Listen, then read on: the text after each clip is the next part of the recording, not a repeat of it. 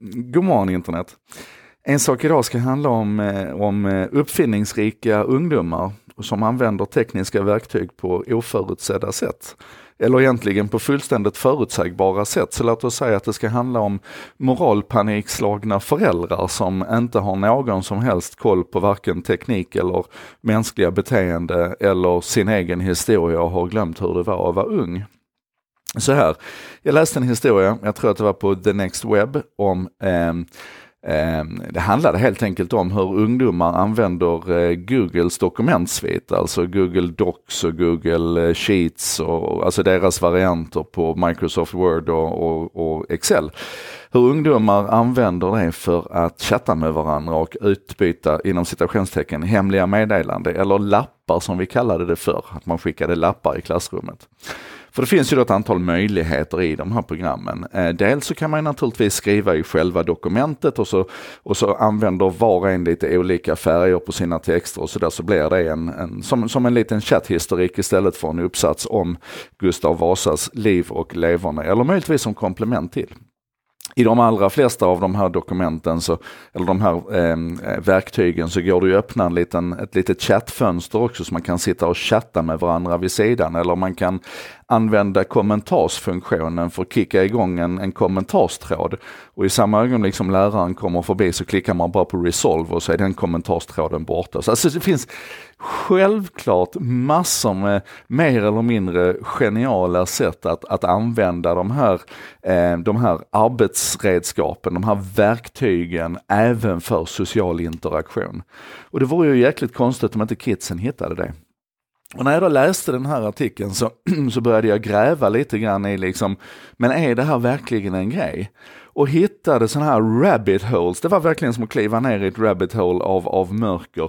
Hittade sajter där, där och, och, texter där föräldrar då ska tipsa varandra om olika sätt som deras ungdomar missbrukar de här verktygen. En, en, en sak som de var extremt upprörda över det var att de, jag har spärrat Youtube i, i vårt hemmanätverk och sen visar det sig då att om man jobbar med Google Presentation, alltså deras PowerPoint-variant, så kan man i Google Presentation infoga en, en Youtube-video och då kommer man förbi den här spärren som föräldrarna har satt upp i nätverket och så här, och jag bara, men på allvar?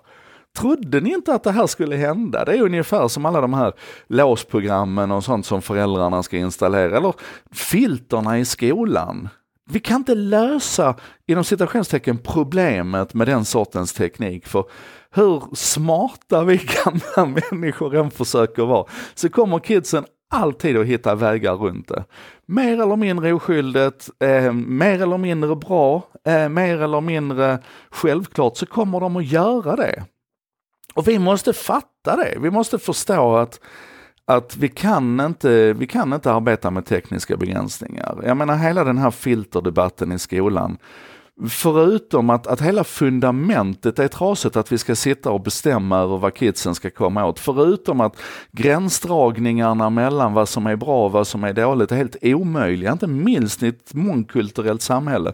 Förutom att det liksom går på tvären emot allting vad vi vill säga om, om informationsfrihet och, och möjligheter till källkritik. Förutom att allt det där liksom, så är det ju bara bisarrt att tro att det kommer att fungera, att det kommer att lösa någonting.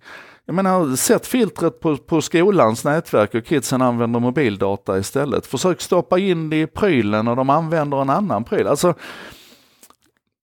Kids will be kids, människor will be människor. Vi kommer att hitta vägar att, att lösa våra problem. Vi kommer att hitta vägar att, att kommunicera med varandra.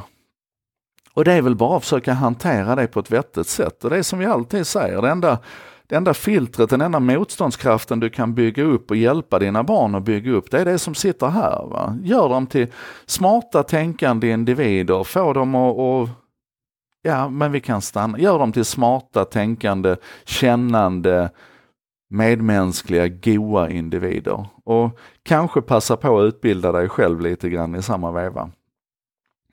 Ja, det här var en sak idag med mig Joakim Jardenberg. Ehm, det är fredag idag tror jag, så att nu eh, kommer det ingen ny förrän på måndag. Men då ses vi!